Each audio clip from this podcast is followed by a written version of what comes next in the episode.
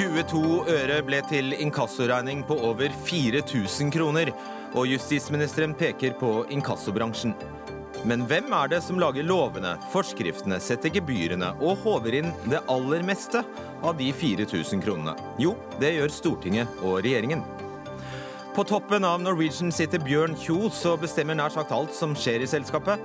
Han har ikke arbeidsgiveransvar for noen, nesten. Heller ikke pilotene som er plassert i et datterselskap, og det er greit og helt lovlig, slår Høyesterett fast.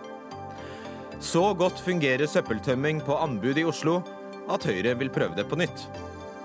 Og hvis du har et alkoholproblem og vil beholde lappen, er det ikke sikkert du bør stole på fastlegen din.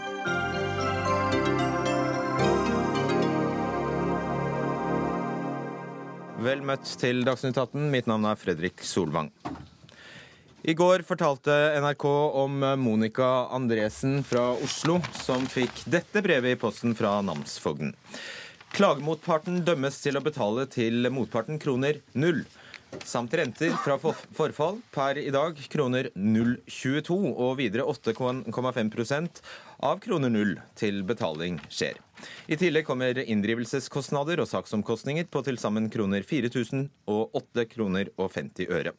Rett etterpå rykket justisministeren ut og varslet full gjennomgang av eh, inkassobransjen. Han sa vi er bekymret for utviklingen. Vi vet jo at bransjen, både den man skylder penger og inkassobransjen, nå har blitt ganske automatisert.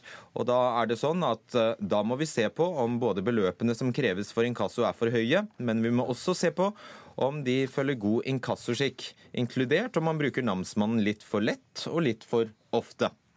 Imanshu Gulati, stortingsrepresentant eh, for Fremskrittspartiet og medlem av justiskomiteen. Skal det være sånn at eh, en regning på 22 øre kan bli til et inkassokrav på 4000 kroner? Jeg synes dette er et eksempel på et uh, urimelig uh, utslag, og jeg er derfor veldig glad for at justisministeren nå vil se gjennom dette. Og som også han har sagt, så er det jo sånn at Før var det mye manuelt saksarbeid for å fremme inkassosaker. Nå skjer alt automatisert. og Norge har noen av verdens høyeste inkassosalærer, også sammenlignet med andre nordiske land. Og når man bruker mindre penger på fremmekravene, bør også det komme de som får inkassokrav, til gode. Mm. Så inkassobyråene de tar seg for godt betalt? Det kan hvert fall virke sånn, og det er all grunn til å se igjennom disse salærene og praksis. Nå skal ikke jeg eh, forutse hva som skjer, men det kan jo f.eks. tenkes at man bør ha et minimumbeløp på uh, når en sak kan gå til inkasso. Mm. For det eksempelet dere hadde med null kroner eller 22 ører, hørtes nok kanskje litt i laveste laget å sende et inkassokrav på. Det syns du virker urimelig? Absolutt. Mm. Hvem eh, har vedtatt inkassoloven og tvangsfullbyrdelsesloven? Nå har jo disse lovene vært her i ganske mange tiår, eh, så vidt meg bekjent, selv om eh, salærene har blitt endret noe underveis. Men vi må holde tritt med tiden, og når mye mer blir automatisert Hvem vedtar lovene? Og Stortinget vedtar lovene. Takk. Ja.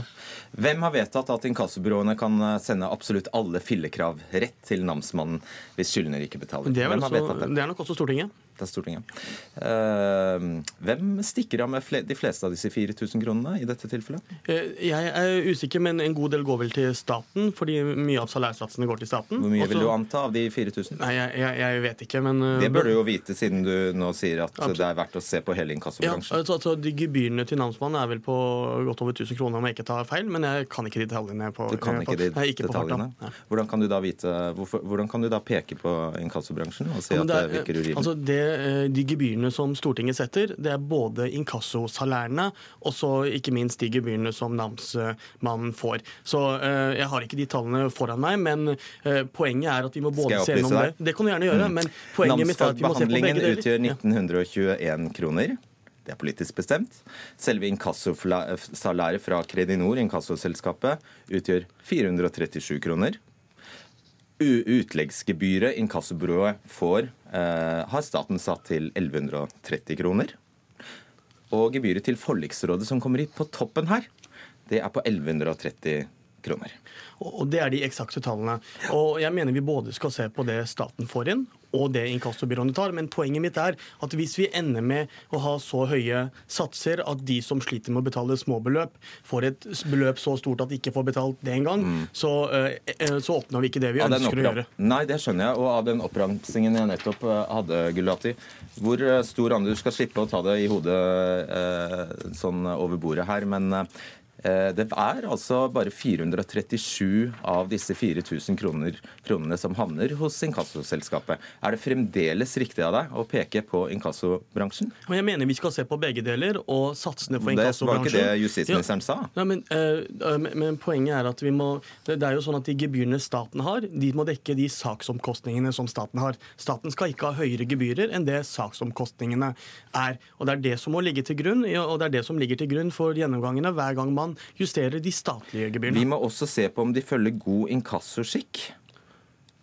Ja, og, og det er viktig. F.eks. det jeg nevnte med om man skal sende krav, når eh, selve opprinnelseskravet kun er på det opprinnelige kravet kun er på noen ører, f.eks. Poenget mitt, og det har du sikkert skjønt, Stortinget har lagd lovene, regjeringen har vedtatt forskriftene og bestemt de høye purregebyrene, salærene og rettsgebyrene. Eh, og dere skylder på inkassobyråene. Ja, men jeg syns det er fornuftig at vi tar en gjennomgang når vi ser urimelige utslag. Sist gang gebyrene ble justert og økt, var det under forrige uh, regjering. Og, og når vi nå ser at ting gir urimelige utslag, så må Når vi også tørre å ta det. Nei, men det, dette er viktig å, å se gjennom, for dette er saker Hvorfor har dere ikke gjort før da? Dere har sittet i regjering i fem Jeg fem har jobbet med saker på inkasso lenge før det oppslaget kom i går. Har dere men- gjort noe med salærene? ja, men vi har hatt møte med flere av disse personene, men poenget er at den saken NRK fikk frem, og som dere skal ha honnør for at dere fikk frem, aktualiserte debatten før det kanskje hadde kommet opp. Og vi har jo også eh, jobbet med merknader i denne saken. eh, Gratulerer sist- med merknader. Før, ja, men Det er jo sånn politikken i Stortinget styres, før NRK kom med den saken i går. Ivar eh, Horneland Christensen, du er administrerende direktør i Virke Inkasso. Hvorfor gjør dere sånn som dette her, sender krav på 22 øre? For å slå følgende tre ting fast. For det første, den saken som kom i går, tror jeg alle reagerer på. Og det er noe med at rettsfølelsen må stemme med det som skjer her. Samtidig vil jeg si at inkassobransjen gjør et samfunnsoppdrag og sørger for at det blir innkrevd de penger, sånn at de virksomhetene som har behov for det, får de pengene de skal ha.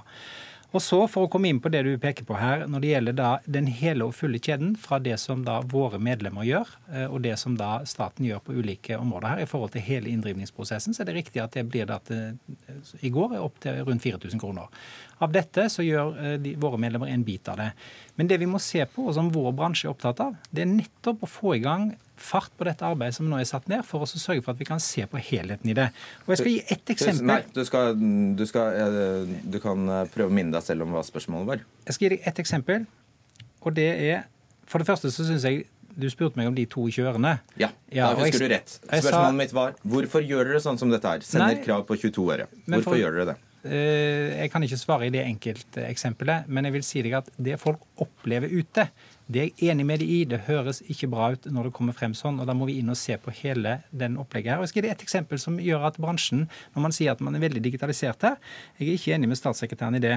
Fordi det er nemlig sånn at elektronisk kommunikasjon i forhold til inkassoloven er ikke så enkelt. Og i sist nå 9.11. så kom Finanstilsynet da med noe som går på at man har reservasjonsrett. Så når selskapene ønsker å bruke elektronisk kommunikasjon for å kreve inn, så har de altså ikke mulighet til det.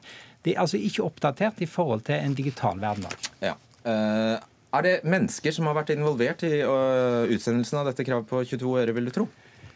Det Har det vært en, et menneske inne der? det vet jeg faktisk ikke. Hva tror du? Eh, Jeg håper jo virkelig det, men jeg vet Håper faktisk ikke Håper du det. det? Ja, jeg håper jo at det òg er mennesker som sitter og Taler vurderer det til bransjens fordel at det har vært et menneske inne her og vurdert at det er verdt å sende et krav på 22 øre? Nei, jeg tror det er veldig riktig. Og så sier jeg at bransjen er på ingen måte tjent med denne type saker. Og det er vår, våre medlemmer opptatt av, at de ønsker ikke å ha denne type saker.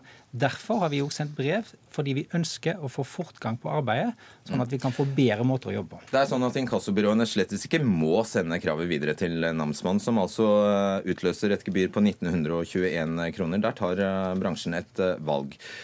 Vil det ikke være etisk riktig å la denne typen krav på 22 øre bare ligge? Eh, når du stiller det enkle spørsmålet 22 øre, så tror jeg alle vil si at det burde, vært, det burde ha ikke blitt sendt ut. Men jeg vil si at bransjen er opptatt av å jobbe ordentlig og seriøst med dette og fullføre et samfunnsoppdrag for å sikre at bedrifter får krevd inn de pengene de har skyld. Og det, det skal de altså gjøre. 22 øre syns jeg høres underlig ut. Eh, Og det virker iallfall ikke bra ute i befolkningen. La meg spørre, hvor mange, hvilke krav er det dere må sende til na- namsmannen? Her er jo et eh, opplegg med en kjede på, der det begynner hos inkassoselskapene. Det begynner jo egentlig i bedriften. Bedriften gjør jo førstejobben sin.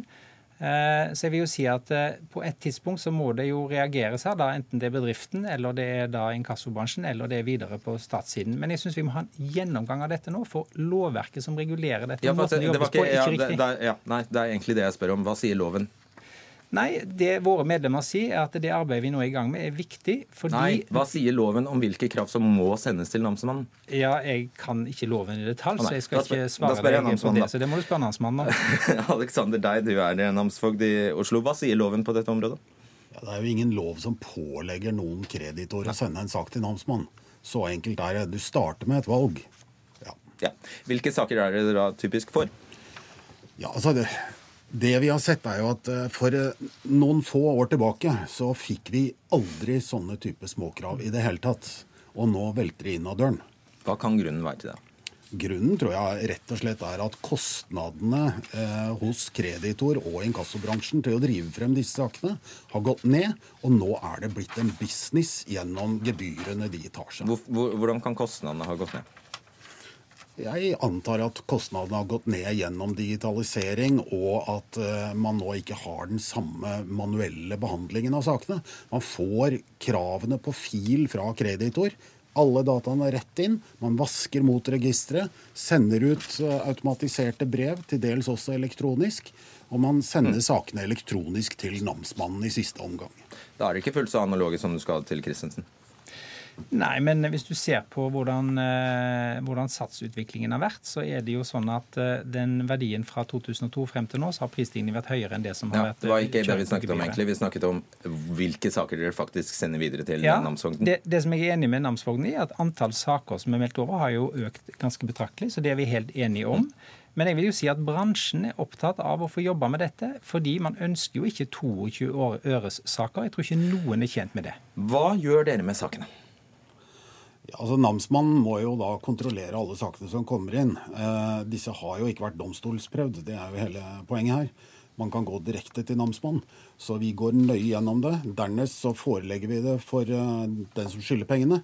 Uh, vi må sjekke registeret, vi skal ha kontakt med arbeidsgiver for å finne ut hva folk har i lønn. Vi skal stipulere et lø livsoppholdsbeløp for dem, hvor mye de skal ha avsatt i bolig osv. Og, så videre, og til slutt vurdere om det er muligheter for å trekke dem i lønn. Og hele dette apparatet koster mye penger Ja, Du skal ha 1921 kroner bare for å opprette en sak. Ja, og kontoret Koster i Oslo virkelig har 70 jurister som jobber med utleggsforretninger, og vi er ikke satt opp for å behandle sånne bagatellkrav på eh, enten det er 20 øre eller om det er 20 kroner, spiller ingen rolle. Er det kø, da? Er det kø? Ja, det er kø innad døren. Men dere skal være selvfinansierende, stemmer det? I utgangspunkt skal i hvert fall staten ikke ta inn mer på gebyrene enn det kostnaden er. Og den totale kostnaden for å drive namsmannsapparatet, det kan ikke jeg svare på.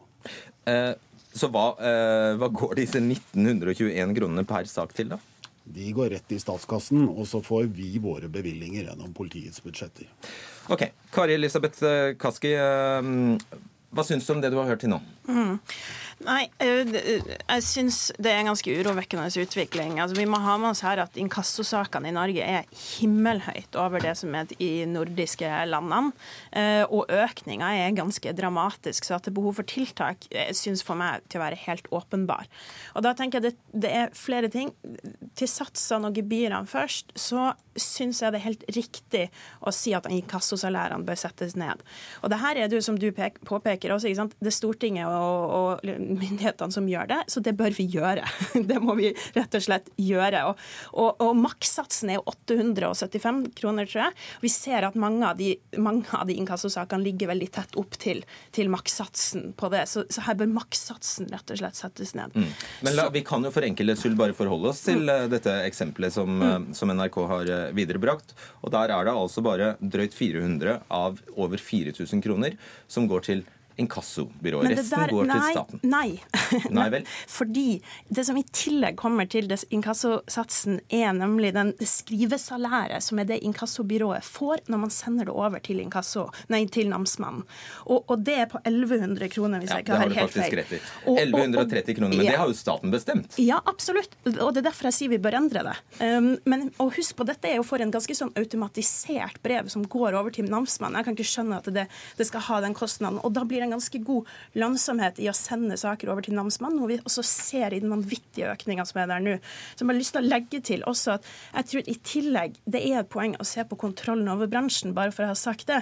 Finanstilsynet har påpekt at det er behov for å utøve sterkere kontroll over inkassobransjen totalt sett. Så jeg tror det er flere spor vi må følge, men det enkleste som vi kan gjøre raskest, det er å se på både satsene for inkassobransjen rettsgebyret. Ja. Eh, Gulati, det er sånn Du sier jo at gebyrene inkassokravselskapene eh, tar, er eh, for høye. Men de har faktisk altså stått ganske så stille, bare justert med prisvekst. Det som virkelig har løpt løpsk her, det er jo da altså gebyr for utleggsforretning og rettsgebyr. Altså de gebyrene staten tar. Og Da ser vi jo forskjellen i arbeidet. Mens den jobben namsmannen gjør, i stor grad er manuell saksbehandling, så er det arbeidet som skjer hos eh, inkassobyråene, i stor grad blitt automatisert. Men dette viser jo nettopp problemet. Problemet er ikke nødvendigvis at eh, satsene er eh, på et par tusen kroner hvis beløpet er høyere. Problemet er mye større dersom satsene er på et par tusen kroner totalt, når kravet bare er på noen få kroner. Men så, problemet så, er at du retter bak, dere retter bake for smed. Dere peker på inkassobransjen. Den som får mesteparten av pengene er staten. Det, gjør vi ikke, og derfor sier vi at det, og det er ikke bare beløpene som er viktig, men også inkassoskikken her. Og så må jeg også korrigere programleder. Dette er ikke et initiativ vi tok etter NRK sin sak i går. Dette initiativet ble tatt på Stortinget i forrige uke. Det er tilfeldig ja, at denne saken kom i ja, men, men, annonsert i forrige uke. Så dette er saker vi har jobbet med i lang tid. Det er i regjeringen fem år, da, men det skal legges Ja, men Vi tar opp de sakene når den type problemer kommer til oss, og dette er saker vi har jobbet med over lengre tid. Okay. uh, Ja, Christensen. Nei, jeg vil si det at Når det høres ut som at alt er automatisert i inkassobransjen, må jeg vise til det som da inkassoloven sier. Altså Det var først i 2007 at det ble åpna for elektronisk kommunikasjon. Så det er ikke sånn at alt er automatisk på inkassosiden heller. så Derfor er det viktig at dette arbeidet med å se på en oppdatert, moderne inkassolov som tar inn over seg den digitale verden, det er vi nødt til å gjøre sammen. Men er du her for å fortelle hvor gammeldagse dere er? Det høres nei, jo helt rart ut. Nei, dette er jo den loven som regulerer denne virksomheten. Så jeg sier at det er jo derfor dette arbeidet med å se på denne loven, sånn at den er oppdatert i forhold til det som er de elektroniske mulighetene. Det må vi gjøre. For verktøyene for bransjen er jo ikke oppdatert i forhold til det som er mulig.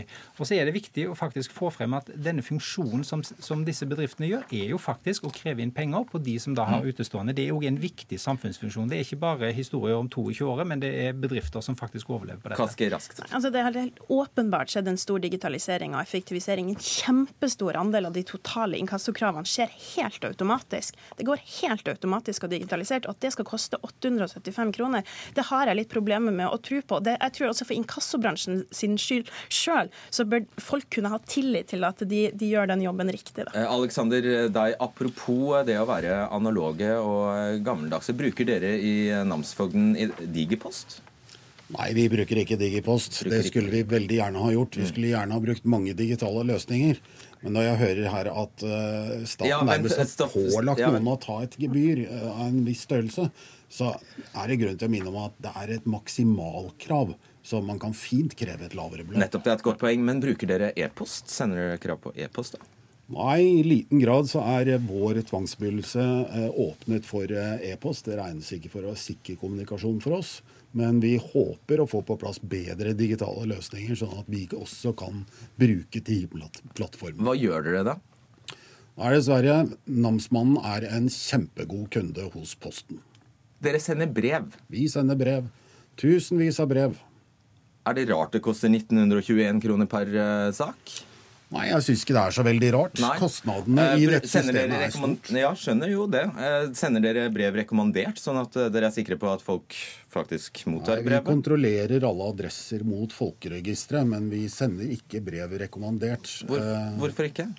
Rett og slett fordi at erfaring tilsier at svært få av de brevene ville blitt hentet. Ja, Men er det ikke verdt et forsøk? Det koster mye.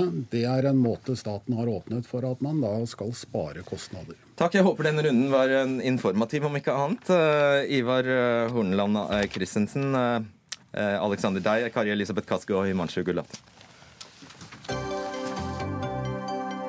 Dagsnytt 18 alle hverdager klokka 18.00 på NRK P2 og NRK2.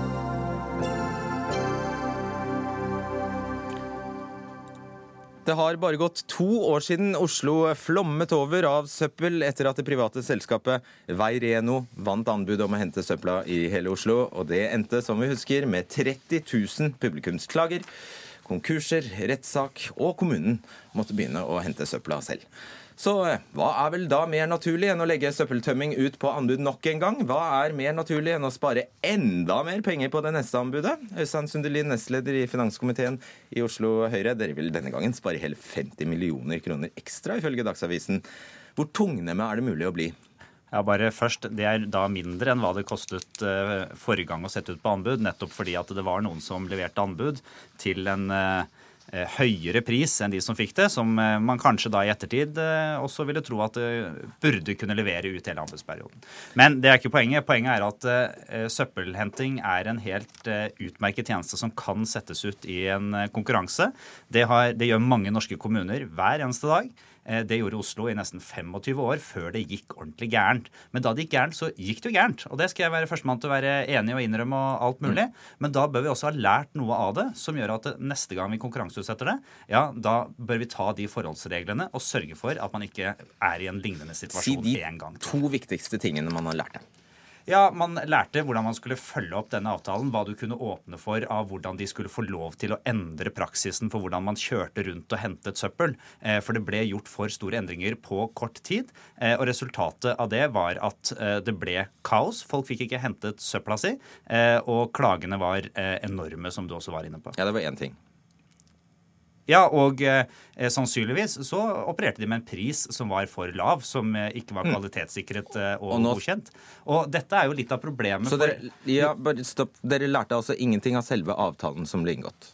Nei, av, avtalen eh, burde hatt høyere krav til kvalitet, til mm. eh, rekruttering av personell, til hva og hvilke endringer de, de, fikk lov og burde kunne gjøre i hva som var den driften som var før de overtok.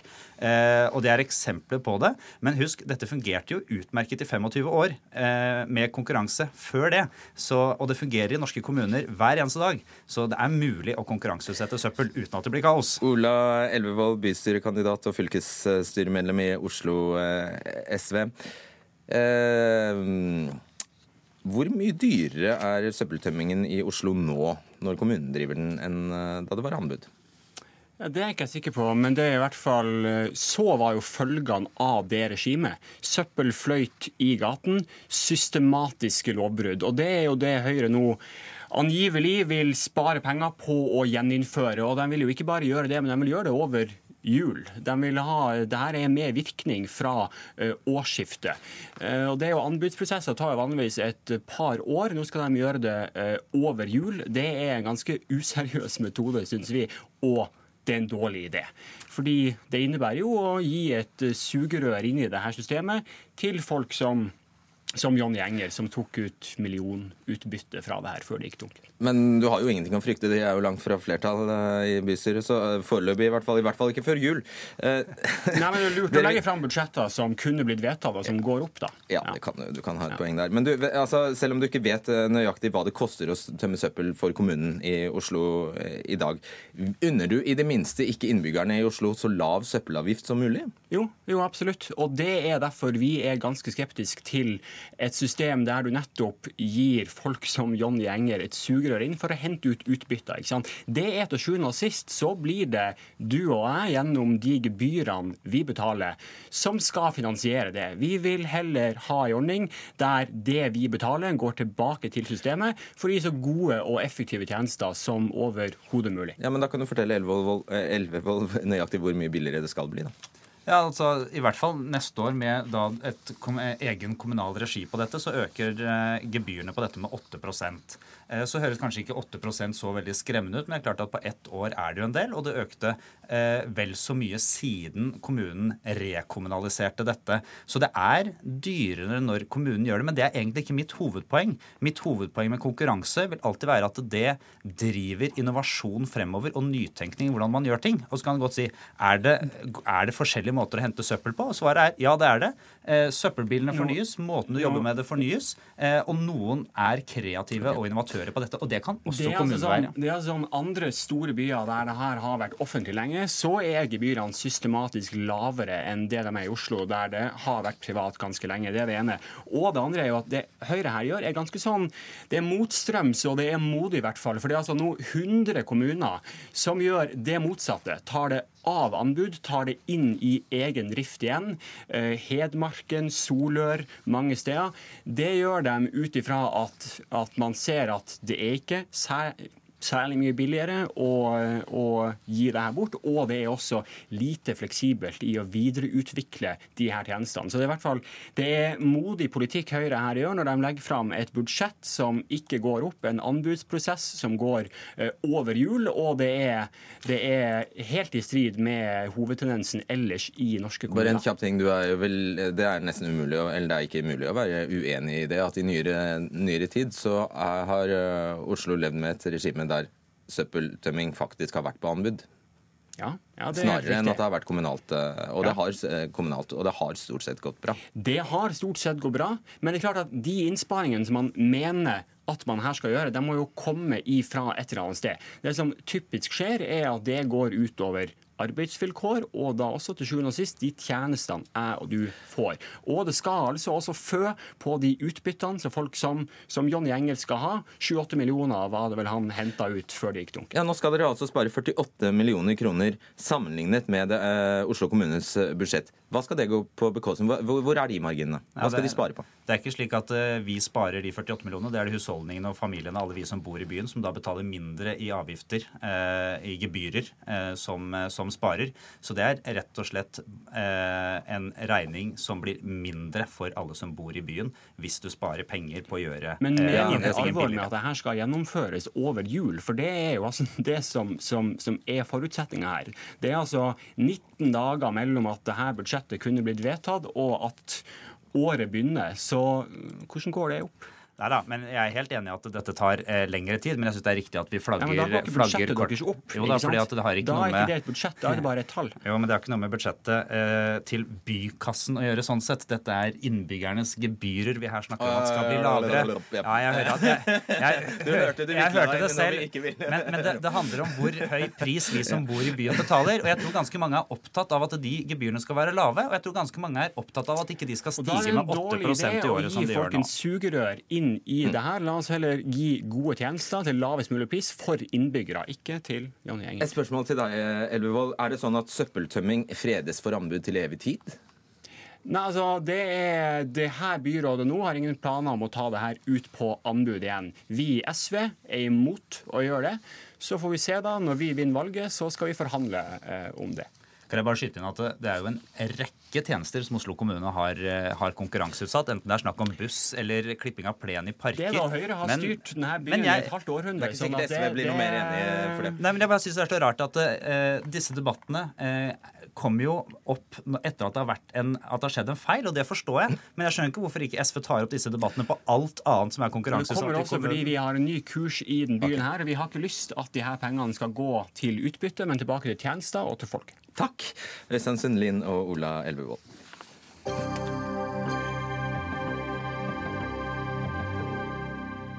Husker du da pilotene i Norwegian i 2015 tvang flyene på bakken i ti dager? Husker du hvordan de streiket for å få tariffavtale med morselskapet Norwegian og protesterte mot å bli plassert i et datterselskap? Husker du hvordan de påsto at det var ulovlig å sette dem i det de kalte et bemanningsselskap, og at Norwegian tok fra dem streikeretten, at de drev fagforeningsknusing og at de brøt avtaler? Nå har Høyesterett sagt sitt. Norwegian fikk fullt medhold, og flygerne tapte så det sang. Vegard Einan, leder i Parat, hva er det viktigste dere tok feil om? Det viktigste vi tok feil om, det var helt åpenbart at eh, arbeidervernet i eh, arbeidsmiljøloven ikke er sterkt nok eh, når det kommer til å ha fast ansettelse og en direkte ansettelse. Det er åpenbart at Høyesterett har sagt i sin dom, som er veldig tydelig, det er det at det Hovedregelen i arbeidslivet nå det kan gjerne være faste ansettelser, men det trenger ikke å være direkte. Det kan også være indirekte faste ansettelser, altså i interne bemanningsselskap. Eh, og For en arbeidstaker så betyr det at du kan flyttes ut i interne selskap og derigjennom være um, I stedet for å jobbe i en avdeling, så kan du jobbe i et internt bemanningsselskap og et mye mindre dårlig stillingsvern, mye dårligere rettigheter. Ah, ja, så du mener denne høyesterettsdommen gjelder alle andre enn bare Norwegian? Denne høyesterettsdommen mener vi kan få følger for organisering av arbeidslivet på resten av arbeidslivet. Hvor tar du det fra? Det tar vi fra, fra praksisen om at når Eh, noen utfordrer lovverket, som Norwegian har gjort i dette tilfellet, eh, en modell blir godkjent, så er det alltid sånn at eh, Norwegian i dette tilfellet vil ha en konkurransefordel kostnadsmessig i forhold til å omstrukturere seg, redusere risiko, som de har begrunna det med å flytte de ansatte ut. Eh, og Da vil det trekke nye aktører ut til de samme ytterpunktene i loven. Jeg skal bare raskt sitere Høyesterett. De har slått fast at det er de selskapene, Pilot Services Norway og Cabin Services Norway, som altså pilotene er ansatt i, sammen med driftsselskapet Norwegian Air Norway utøver de sentrale arbeidsgiverfunksjonene. Det, er, det vil i praksis si at morselskapet, Norwegian, ikke bestemmer hvem som skal være på jobb, når de skal være på jobb, hva de skal gjøre, hva de skal få betalt, hvordan arbeidskontraktene skal se ut, hvordan vaktlistene skal se ut osv. osv. Hva gjør da morselskapet? til den rette arbeidsgiver her? Eh, morselskapet er jo der alle pengene kommer inn. Eh, Nasta, Norwegian Air Shuttle, er flyselskapet. For å få lov å selge billetter, så må du være flyselskap. Alle pengene når du som passasjer Solvang, skal ut og fly, så betaler du til morselskapet. Eh, det er morselskapet som har ca. 600 ansatte. Det er markeds-, det er teknikere, det er ulike ansattgrupper. Det er dem som eh, sender pengene videre ut til de interne selskapene, som eh, pilotselskapet, kabinselskapet, som leverer til flyselskapet der billettinntektene kommer inn. De interne bemanningsselskapene genererer ingen inntekter fra andre plasser enn det de får fra morselskapet. De har ikke lov å konkurrere og levere til andre flyselskap, f.eks. Hvis ikke morselskapet vil bruke de tjenestene, så blir de per definisjon lagt ned. Så de driver ikke noe selvstendig virksomhet i de kabin- og pilotselskapene som vi har gått til sak for. Litt sånn som at et eh, kantineselskap som driver en kantine på et sted som f.eks. NRK, selvfølgelig ikke bare kan ta med seg kantina en dag og stikke et annet sted, men har ingen andre inntekter egentlig enn salget av mat til NRK-ansatte. Nei, men det er akkurat det som er helt feil. For eh, et kantineselskap som driver hos NRK, kan da si til NRK hvis NRK ikke vil eh, imøtekomme deres krav, at det er helt greit, men da kan vi ta vår ansatte og levere tilbud en annen plass, f.eks. hos TV 2. Men det kan ikke de ansatte som det her gjelder i dette spørsmålet. Okay. Torbjørn Lote, direktør i NHO Luftfart. Eh, Høyesterett har altså nå kun tatt stilling til om Norwegian holdt seg innenfor loven. Mener du det er riktig at det skal være lovlig å flytte ansatte til selskaper nedover i et konsern, og det er det som har skjedd, selv om de utfører nøyaktig de samme oppgavene, og samtidig som morselskapet bestemmer akkurat like mye som de gjorde før? Ja, Det har jo for så vidt Høyesterett tatt standpunkt til. Eh, og de har jo sagt at de prosessene Norwegian har gjennomført, de er helt og fullt lovlige. Ikke bare Høyesterett har sagt det, enstemmig Høyesterett, men også lagmannsretten har, sagt det. Mm. Lovlig, men jeg spurte deg faktisk om det er riktig? Ja, og det er jo helt eh, riktig å kunne gjøre eh, den type omorganisering. Og det er jo helt nødvendig, fordi politikerne har jo deregulert luftfarten og konkurranseutsatt den. Og det som Vegard Einan sier, er jo gjennomgående feil. Vi snakker jo her om en gruppe som har fast ansettelse. Det er ikke snakk om bemanningsselskapet. Det er snakk om å organisere virksomheten innenfor såkalt entreprise. Det har Høyesterett slått helt fast. Det her er ansatte som har gode lønns- og arbeidsvilkår. En del av de er vel adelsklassen i norsk arbeidsliv. F.eks. piloter med lønninger på 1,3 millioner kroner når du er på topp som kaptein. Det er ikke en, en, en profesjon det her som sliter med dårlige lønns- og arbeidsvilkår. De svært gode, og de har faste jobber så det synger etter. og Da blir det helt feil å snu det her på hodet og si at de ikke har rettigheter. De har alle rettigheter etter nasjonal lovgivning og regelverk, sånn som det er i dag. Ja, altså, eh, Torbjørn fra NHO har jo et spor når det kommer til å diskutere det prinsipielle, og det er jo lønningen til pilotene, som er høy. Eh, og Da kan jo vi andre bare tenke oss, Hvis man kan omorganisere virksomheter hvor ei eksklusiv gruppe med en ettertrakta kompetanse og, og, og, sjelden kompetanse som piloter kan bli skalta og valta med på denne måten, hva er ikke da risikoen for vanlige arbeidstakere? Og, og Jeg er ikke uenig i at det er lovlig, det har Høyesterett sagt. Det er helt klinkende klart. Ja, det må nesten bare bøye deg for. Det må vi bøye oss for. Men det er ikke nødvendigvis sånn at vi skal akseptere prinsippet. For det må vi ha klart for oss at det er en forskjell. Her, her er ikke snakk om å skalte og valte med arbeidstakere. Tvert imot, man legger jo til rette for en organisering som gjør at selskapet kan utvikle seg. Dette er et selskap som har gått fra 0 til 12 000 ansatte i løpet av få år. Det er 2700 ansatte i, i Norge. De har skapt nye arbeidsplasser og verdiskaping både i Norge og for Norge. Slik at det blir helt feil å si at man skalter og valter ja, med arbeidsplasser. Han mente det sikkert ikke. Eh, helt bokstavelig. Eh, svar meg på dette her. Er du uenig med Høyesterett eh, i at flytting nedover får konsekvenser for arbeidstakernes rett til informasjon, samarbeid og medbestemmelse? De har akkurat de samme rettighetene som tidligere i det selskapet de arbeider. Det Norwegian har gjort, er at de har et holdingselskap på toppen. Nei, men det, som er tomt. du ikke på tungt. Ja, men det er Høyesterett sier at det får konsekvenser for arbeidstakernes rett til informasjon, samarbeid og medbestemmelse. Er du enig eller uenig i det? De får jo de samme rettigheter innenfor det selskapet de arbeider. Så har de ulike funksjoner, de ulike selskaper i Da prøver jeg tredje gang. Er du enig med Høyesterett i at denne flyttingen av medarbeidere nedover får konsekvenser dette er et sitat, får konsekvenser for arbeidstakernes rett til informasjon, samarbeid og medbestemmelse? Ja, de får, annen, de får informasjon fra det selskapet de er tilsatt i. Et holdingselskap som kjøper fly, som bestemmer at flyene skal gå nordover eller sørover eller gå øst eller vest. Det, det er en annen type funksjon, og det er jo ikke det de ansatte skal ha Er du sikker på at det er det de vil ha informasjon om? Ja, og det virker jo sånn, fordi eh, man ønsker å ha innflytelse på det som er innenfor holdingselskapet eller AOC-selskapets virksomhet, og det blir jo helt feil. Ja, det, det hadde blitt eh, helt feil, helt sikkert. Det skjønner jeg. Leif Sande, stortingsrepresentant for eh, Arbeiderpartiet. En tydeligere dom fra Høyesterett skal man lete ganske lenge etter. Så ja. hva har dommerne gjort feil? Nei, altså, Dommerne har jo dømt i forhold til norske lover, sånn som de oppfatter dem. Og jeg mener jo dette er en utvikling man har sett over lang tid. At arbeidsgivere prøver å fristas fra arbeidsgiveransvaret ved å ansette folk ut i datterselskap. Francise er jo det helt ekstreme eksempelet på dette. her. Og Det er utvikling som, som ikke er bra. Og Det som Høyesterett har sagt, som jeg syns er veldig bra, det er nå trekker man opp i grensa, så sier de i dommen sin at hvis lovgiver synes dette her er feil grenser, så må de endre loven. Ja, det er innlysende. ja, det er veldig innlysende, men jeg syns det er veldig greit at det blir sagt òg. For da har vi bare én ting å gjøre. Høyesterett har talt, vi må endre lovene. For dette er en utvikling som skal stoppes. Ja, og der har dere kommet så langt at dere til og med har rabla ned forslag allerede. Regjeringen, Stortinget ber regjeringen legge fram en sak om endring av arbeidsmiljøloven som tydeliggjør at den som har styringsrett og gjennom dette reelt sett er arbeidsgiver, også får retter og plikter som arbeidsgiver i henhold til arbeidsmiljøloven. Helt nøyaktig, Hva ville det ha fått, fått å si for Norwegian? For jeg regner med dette egentlig er en Lex Norwegian. Dette her er ikke en lovtekst vi har rabla ned. Det er et, eh, en anmodning til regjeringen for ut hva vi vil. Og Det som står i den der eh, formuleringen der, det er at vi vil at de selskapene som folk jobber i, skal også være den reelle arbeidsgiveren.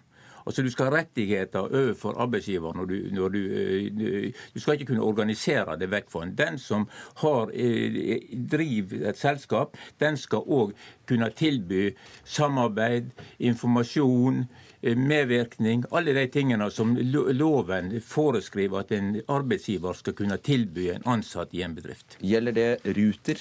Kollektivselskapet Ruter? Om det gjelder kollektivselskapet Ruter, du, jeg, da kjenner jeg ikke til. Nei, for de er organisert ganske nøyaktig på den måten. Ja, de er men helt offentlige. Ja, Hvis du vet at de er organisert på den måten, så må det gjelde deg.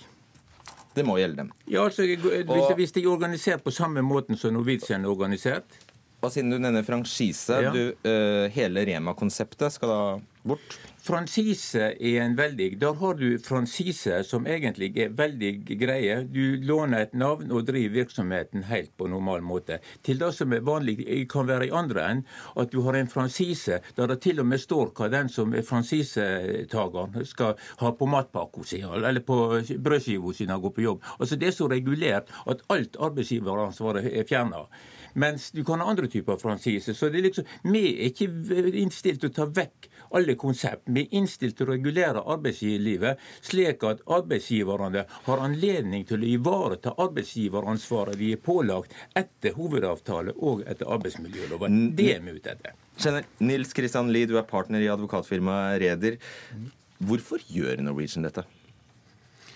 Jeg kan ikke noe annet enn å bare lese det som faktisk står i dommen, eh, og også det som er tydelig sagt i lagmannsrettsdommen. Det er at selskapet vokste fra et relativt lite selskap til et stort selskap, og at de fant det nødvendig å vurdere organisasjonsstrukturen sin.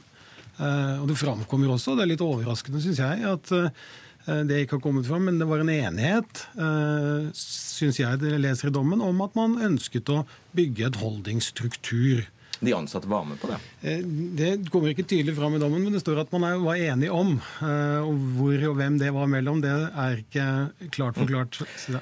Eh, Dommen slår fast at pilotene ikke var utsatt for innleie, slik eh, fagforeningene hevdet, men i stedet var de en del av en entreprise. Forklar oss forskjellen. Innleie vil jo være når du overlater, altså arbeidsgiver tar en ansatt inn hos seg og, og leier den. Eh, typisk sånn som det man ser med Manpower og andre bemanningsselskaper. En entreprise så gir du et oppdrag. Eh, da sier du jeg ber deg om å løse et oppdrag for meg. Sånn som Norwegian her har sagt, vi ber dere om, eller vi bestiller flytjenester og kabintjenester fra sine datterselskaper. Men det betyr også at hvis disse to pilotselskapene da mister entreprisen sin, så står de rett og slett uten jobb? Ja. ja så det gir mindre jobbsikkerhet? Ja, altså innenfor eh, Når man er innenfor det selskapet, så vil de jo vil de gjøre det, ja. Mm. Og det er det noe av forklaringen på hvorfor Norwegian foretrekker en sånn eh, modell? At det gir større fleksibilitet? Vanskelig for meg å si hva som egentlig var Norwegians motivgrunn. Ja, det var et dumt spørsmål. Du skal slippe å svare på det, faktisk. Er dette noe alle flyselskaper burde, eh, burde holde på med? Eh, det skal ikke jeg si, men jeg registrerer at dette er en veldig vanlig form å strukturere selskapene sine på. Det at man har konserner, det at man velger å etablere datterselskaper større selskaper av IT-selskaper, eh, data- og økonomitjenester skilt ut i egne selskaper. Men kan det som Einan eh, frykter skje, at det, at det blir en smitteeffekt her? Jeg tviler på det. Når jeg har sett dommen, så ser det ut til at det er ganske stort arbeid som ligger bak, som ikke egner seg for det store flertallet av norske selskaper. Hvorfor ikke? Eh, nei, fordi at Du må skille ut et, eh, du må da gjennomføre enten en fisjon eller du må etablere et datterselskap. Du må ha kontraktstyringssystemer, internprising. Eh, dette er ikke spesielt egnet for, for butikken på hjørnet. Generelt. Lote, selvfølgelig, det gir seg nesten selv at det gir en større mulighet for å Altså hvis, hvis det går dårlig, så er det lettere at de ansatte er i et datter, datter, datterselskap der nede. Da er det lettere å slippe å forholde seg til dem. Nå har jo det flygende personalet i Norwegian faktisk en jobbgaranti utstedt personlig av Bjørn Kjos, så jeg tror ikke det er det som er spørsmålet. Her er det jo Norwegian som ønsker å utvikle sin egen konkurransekraft. De har etablert AOC, altså flyselskaper, i en rekke land. og Da kan ikke de dimensjonere opp de flyselskapene med fly og ressurser fast fordi det her varierer over tid. Og da har du ressursselskaper der du stiller de ressursene til disposisjon. Sesongarbeidere, på en måte? da? Nei, de har fast stilling, 100% stilling, og, men kan tilpasses i forhold til hvor behovene er. og Det er en veldig fleksibel og god modell for å utvikle konkurransekraft i et eh, deregulert luftfartsmarked. Okay, til, til slutt, Vegard. Ja, altså det blir jo, man mister jo verdien i partssamarbeid. Vi får et helt annet arbeidsliv om det her skal bli normen. Og Så sier advokaten ved siden av dem det vil være kostbar prosess. Det tar to-tre timer å opprette et datterselskap. Det tar ingen tid å opprette de, de internkontraktene hvis man gjør det, men man kvitter seg med alt arbeidsgiveransvar i forhold til tilretteleggingsplikt, til sykefravær tilrettelegging. Ja, og de ansatte, nei da, det sier Høyesterett at man reduserer Torbjørn. Det sier Høyesterett. Så vi må ha respekt for alle aspekt ved loven. Men tenk Vegard Einan, om dere hadde fått uh, dette gjennom, så hadde kanskje bare Norwegian flytta, så hadde det ikke vært en eneste norsk arbeidsplass. Poenget er ikke at det her må være noe å følge Norwegian på. Det må være prinsipp om at du skal ha motparten på siden, andre sida av bordet som har den reelle innflytelsen på ditt arbeidsforhold. Og det er et sånt arbeidsliv vi har bygd opp Norge på, og det er det vi må videreutvikle. Denne modellen er en ny konstruksjon som kommer til å bryte arbeidsplassene til Sverige. Takk. Ja, det er jo bare... Vegard Einar, Torbjørn Lote, Leif Sande og Nils Kristian Lien. Tusen takk skal dere ha.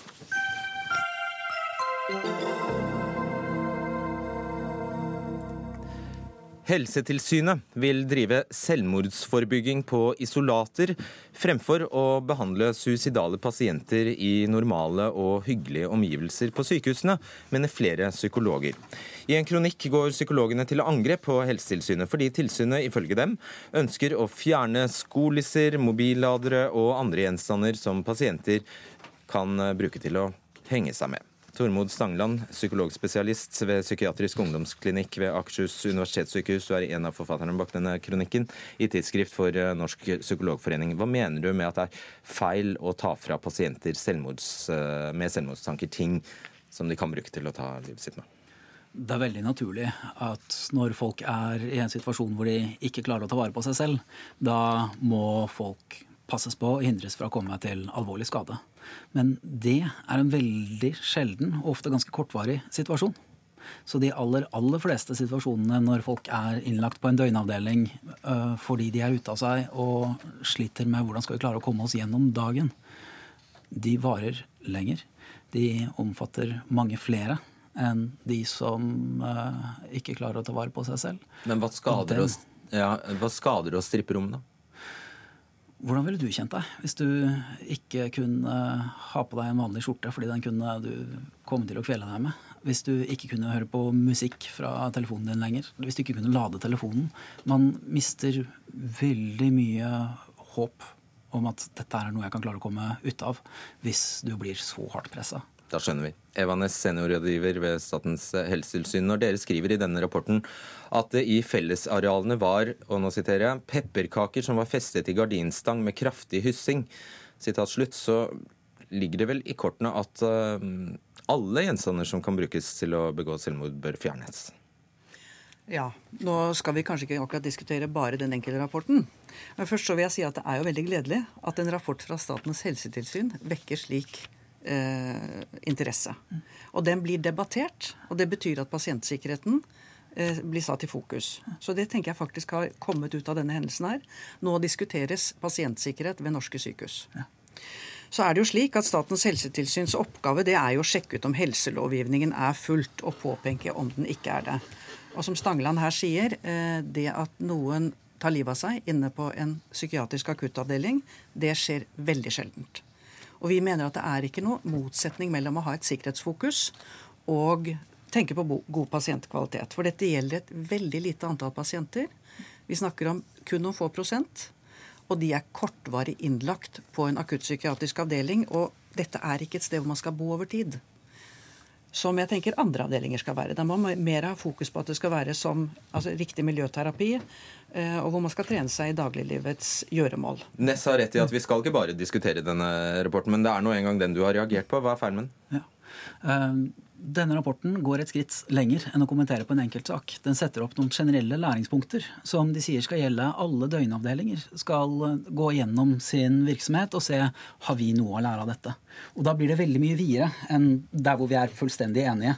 Den lille lille gruppen av folk som ikke kan ta vare på seg selv.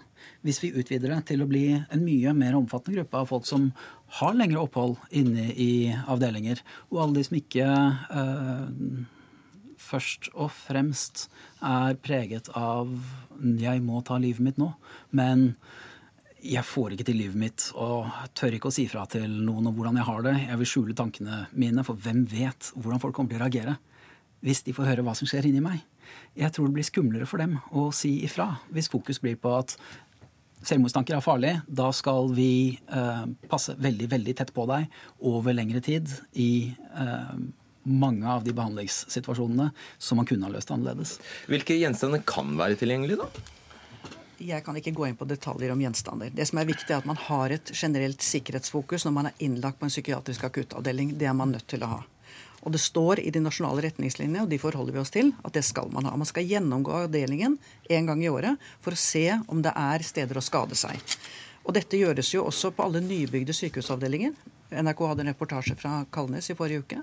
Da tenker man nettopp sikkerhet. Det er slik at tilgang på metoder kan gjøre at folk tar livet av seg. Og det skal ikke være lett å ta livet av seg inne på en psykiatrisk akuttavdeling. Vil du svare på det? Det er jeg fullstendig enig i. Mm. Uh, kan jeg fortelle en liten historie? Uh, institusjonen jeg hører til, forteller lederen at da hun begynte der for 15 år siden, så gikk miljøterapeutene med saks i beltet. Fordi det skjedde skremmende ofte at det var noen som i fortvilelse prøvde å henge seg eller gjøre et selvmordsforsøk, og man måtte opp og klippe av ledninger for å redde livet til folk. I løpet av de 15 årene uh, har måten vi behandler dette på, blitt veldig veldig endret. Til at de fleste er ikke innlagt lenge med den type problematikk. Og vi jobber mye med hvordan kan vi få folk til å be om hjelp. Mm. Så nå er stemningen mye nærmere det som ble beskrevet i tilsynsrapporten. Da. Så det henger pepperkaker på institusjonen vår også. Og det tror jeg gjør at folk slapper veldig mye bedre av. Eva Næss, eh, det er jo slik at NRK i en rekke oppslag i, i høst har dokumentert eh, at eh, sykehus og klinikker har brutt loven i faktisk halvparten av alle selvmord som skjer i psykiatrien. Av de 200 selvmordssakene Mm. eh, NRK har kartlagt, viser det seg at 56 personer personer tok livet av seg mens de var skrevet inn på sykehus eller institusjon. Vi får, har jo forstått bare av dette, denne lille ordvekslingen at dette er slettes ingen eksakt vitenskap. Men hvordan kan du være så sikker på at glattcelle nærmest er det riktige? Jeg mener ikke det. Jeg mener man må ha et sikkerhetsfokus. Så jeg mener ikke at det skal være glattcelle. Men man må ha en gjennomtenkt forhold til hvordan man innreder en akuttpsykiatrisk avdeling. Jeg vil gjerne også få svare litt på dette med læringspunktene. Vi er veldig opptatt av at dersom det skjer noe på ett sykehus, vi påpeker at helselovgivning er brutt, sånn som i denne, denne saken her, så ønsker vi at andre sykehus også skal lære av det. Læring på tvers. Og jeg vet at helseministeren også er veldig opptatt av det. Hva kan vi lære av andre som gjør feil? Det er mer en generell oppfordring til å kunne lære av tilsynsrapporter. Ja, men Psykologforeningen sier faktisk at Helsetilsynet er på kant med fagfeltet. Det hører jeg, og det tar jeg til orientering. Hva betyr det? Det betyr at vi har merket oss den veldig kraftige kritikken som kom. Den var litt overraskende. Eh, jeg tror at hvis vi ser sånn prinsipielt på det, og det må vi jo, så må vi tenke mer i hvordan skal norske akuttpsykiatriske avdelinger være innredet. Nå var det én en enkeltsak her, og det er den rapporten dere kritiserer. Og kanskje var vi litt skarpe i tonen. Det er det du har påpekt. Okay. Uh, og det, vi, har, vi, var på et uh, på oppfølgende tilsyn på Sykehuset Innlandet forrige uke. Og da hadde de jo tatt, gått grundig gjennom alt, og det var ingen avvik å påpeke. Nei. Var det fremdeles pepperkaker der? Jeg må si at jeg så ikke det. men, men, det er mulig å evaluere om han har gått for langt. Ok. Stangeland, veldig, veldig kort. Jeg tenker at denne tonen her sånn er jeg veldig glad for. For da er vi jo tilbake der du begynte litt. Men altså, Vi har faktisk fått en debatt som ja, havner på Dagsnytt 18 om hvordan skal man innrege døgninstitusjonene. Ja. Uh, og så lenge vi kan ha denne grunnholdningen om at ja, vi ønsker oss en sikkerhetsfokus, mm. da kan vi ha veldig nytte av tilsynsmyndighetene, som vi trenger. Alle sykehus trenger å bli sett i kortene. for Men, gjør vi det riktig nå? Men nå er den debatten over. Takk for at dere kom. Hør Dagsnytt 18 når du vil. Radio NRK Radio.nrk.no. Du var kanskje ikke klar over det, men fastlegen din har også en slags politimyndighet, faktisk. Ifølge førerkortforskriften, som ble oppdatert i 2016, har leger nemlig meldeplikt dersom pasienten har et helseskadelig forbruk av alkohol. Og pasienten kan risikere å miste førerkortet i seks måneder. Forskriftene fra Helsedirektoratet har skapt reaksjoner hos en del fastleger. Alexander Wahl, du er fastlege i Oslo, en av dem som har reagert på de nye mm, forskriftene. Eh, og sier det, du sier vel det er et problem i ditt eh, daglige virke. Hva er problematisk? Det, det, problematiske er at vi kommer inn i en rolle som vi ikke liker. Og det er at vi kan eh, gå inn som politiets forlengede arm. Vi ønsker å være leger. Det første spørsmålet jeg spør mine pasienter når de kommer inn, hva er det jeg kan hjelpe deg med? Hva er det du blir pålagt? Det som jeg blir pålagt, er rett og slett å overvåke pasientene mine. Jeg har en fastlegeliste.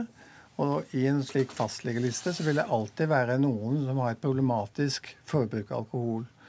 Og når de kommer inn, kanskje av en annen årsak, så må jeg agere hvis de da bruker et eh, alkohol så mye at det kanskje kan komme i konflikt med førerkortforskriften. At de er fulle der og da, eller at du, det lukter av dem? Eller? Ja, Det er det som er det spesielle at Vanligvis så tenker man at man mister lappen hvis man kjører med promille. Og det er jeg helt enig i, og det er helt greit. Det ja, det bør alle være enig i. Ja, og det er ikke det vi diskuterer. Men faktisk så har jeg da pasienter som eh, passer på at de aldri kjører med promille. Og likevel kan det komme til fastlegen og få beskjed om at du kan ikke kjøre hjem. Og de skal du rapportere inn? Eh, først er det slik at jeg prøver å bearbeide dem kanskje opp til et halvt år før, og hvis det ikke går, så har jeg meldeplikt. Hmm. Svein Lie, fagdirektør i Helsedirektoratet. Det er altså dere som står bak de nye forskriftene. Kan du fortelle meg hva dette her betyr?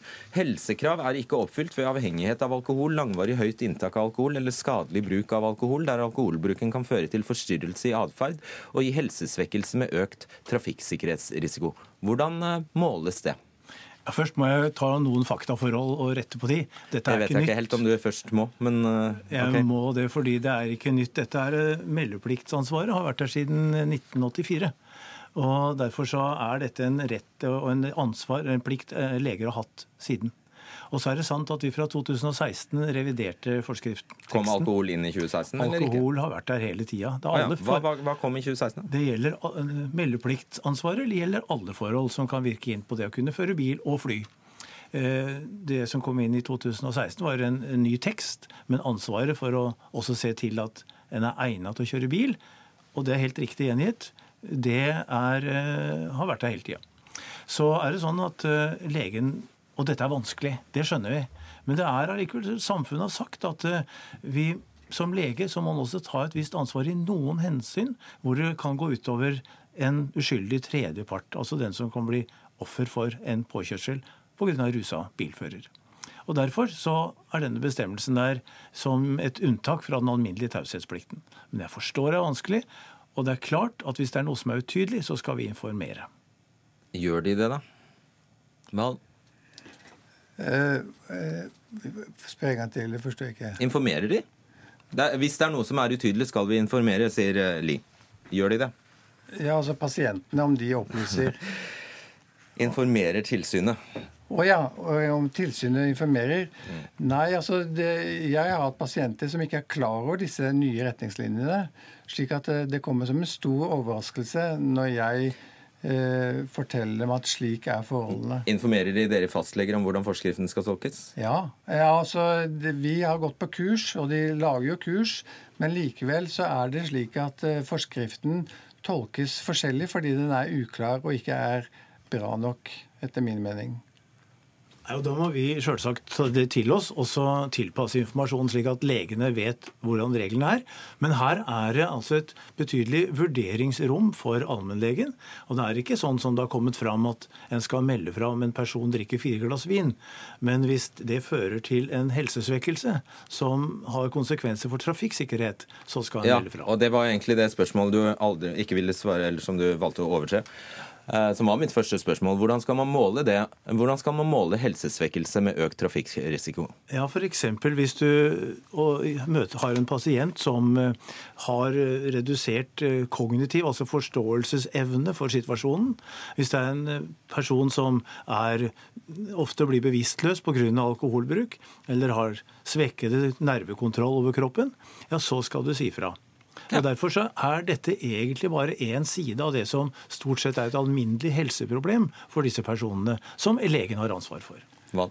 Ja, Det vi snakker om her, er på en måte de åpenbare, og det er faktisk ikke de vanskelige. Men det som vi står oppe i, er en stor gråsone med pasienter som kanskje kan utvikle helsesvekkelse. Hva skal vi gjøre med dem? Og jeg har til og med spurt fylkeslegen om råd her er det en pasient som drikker for mye, men han er høyt fungerende. Han, går, han kjører på jobben hver dag uten promille og fungerer. Eh, men likevel så er dette problematisk. Hvordan skal jeg følge opp denne pasienten? Hva skal han gjøre, Sveinli? Hvis han er høyt fungerende og kjører på jobben hver dag og er edru, så kan jeg ikke se at han umiddelbart har noen stor helsesvekkelse. Nei, det, det gjelder situasjoner hvor folk har tatt Eh, skade alkoholbruken over tid, eller kan ta skade av det. Og det er et stykke ut i forløpet. Men det som skjedde med denne pasienten, når jeg sendte inn eh, brev til fylkeslegen, var at han ble fratatt førerkortet sitt. Så prøvde han å klage, men det, den klagen nådde ikke frem.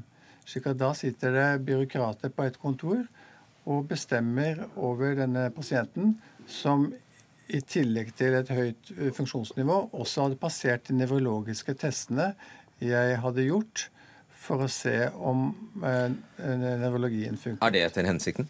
Det er vanskelig å vurdere den enkelte saken. Ja, Det skjønner jeg. Det er sånn at uh, Rusmidler er en alvorlig faktor i trafikken. 25% av alvorlige dødsulykker og alvorlige personskader er rusrelaterte. Så Derfor er det viktig å ha blikket på det. Og Når det gjelder skjønnet og vurderinger rundt den enkelte pasient, så må man ta med de faktorene som en mener kan være viktig å telle med. Og Derfor så har fastlegen et ansvar for det, og vi skal imøtekomme det med mer informasjon hvis det er utydelig. Ja, men Da tar vi deg på ordet. Takk skal dere ha, Alexander Wahl og Svein Lie. Dere avsluttet denne utgaven av Dagsnytt 18. Ansvarlig for sendingen var Jarand Ree Mikkelsen, teknisk ansvarlig Stein Nybakk og i studio Fredrik Solvang.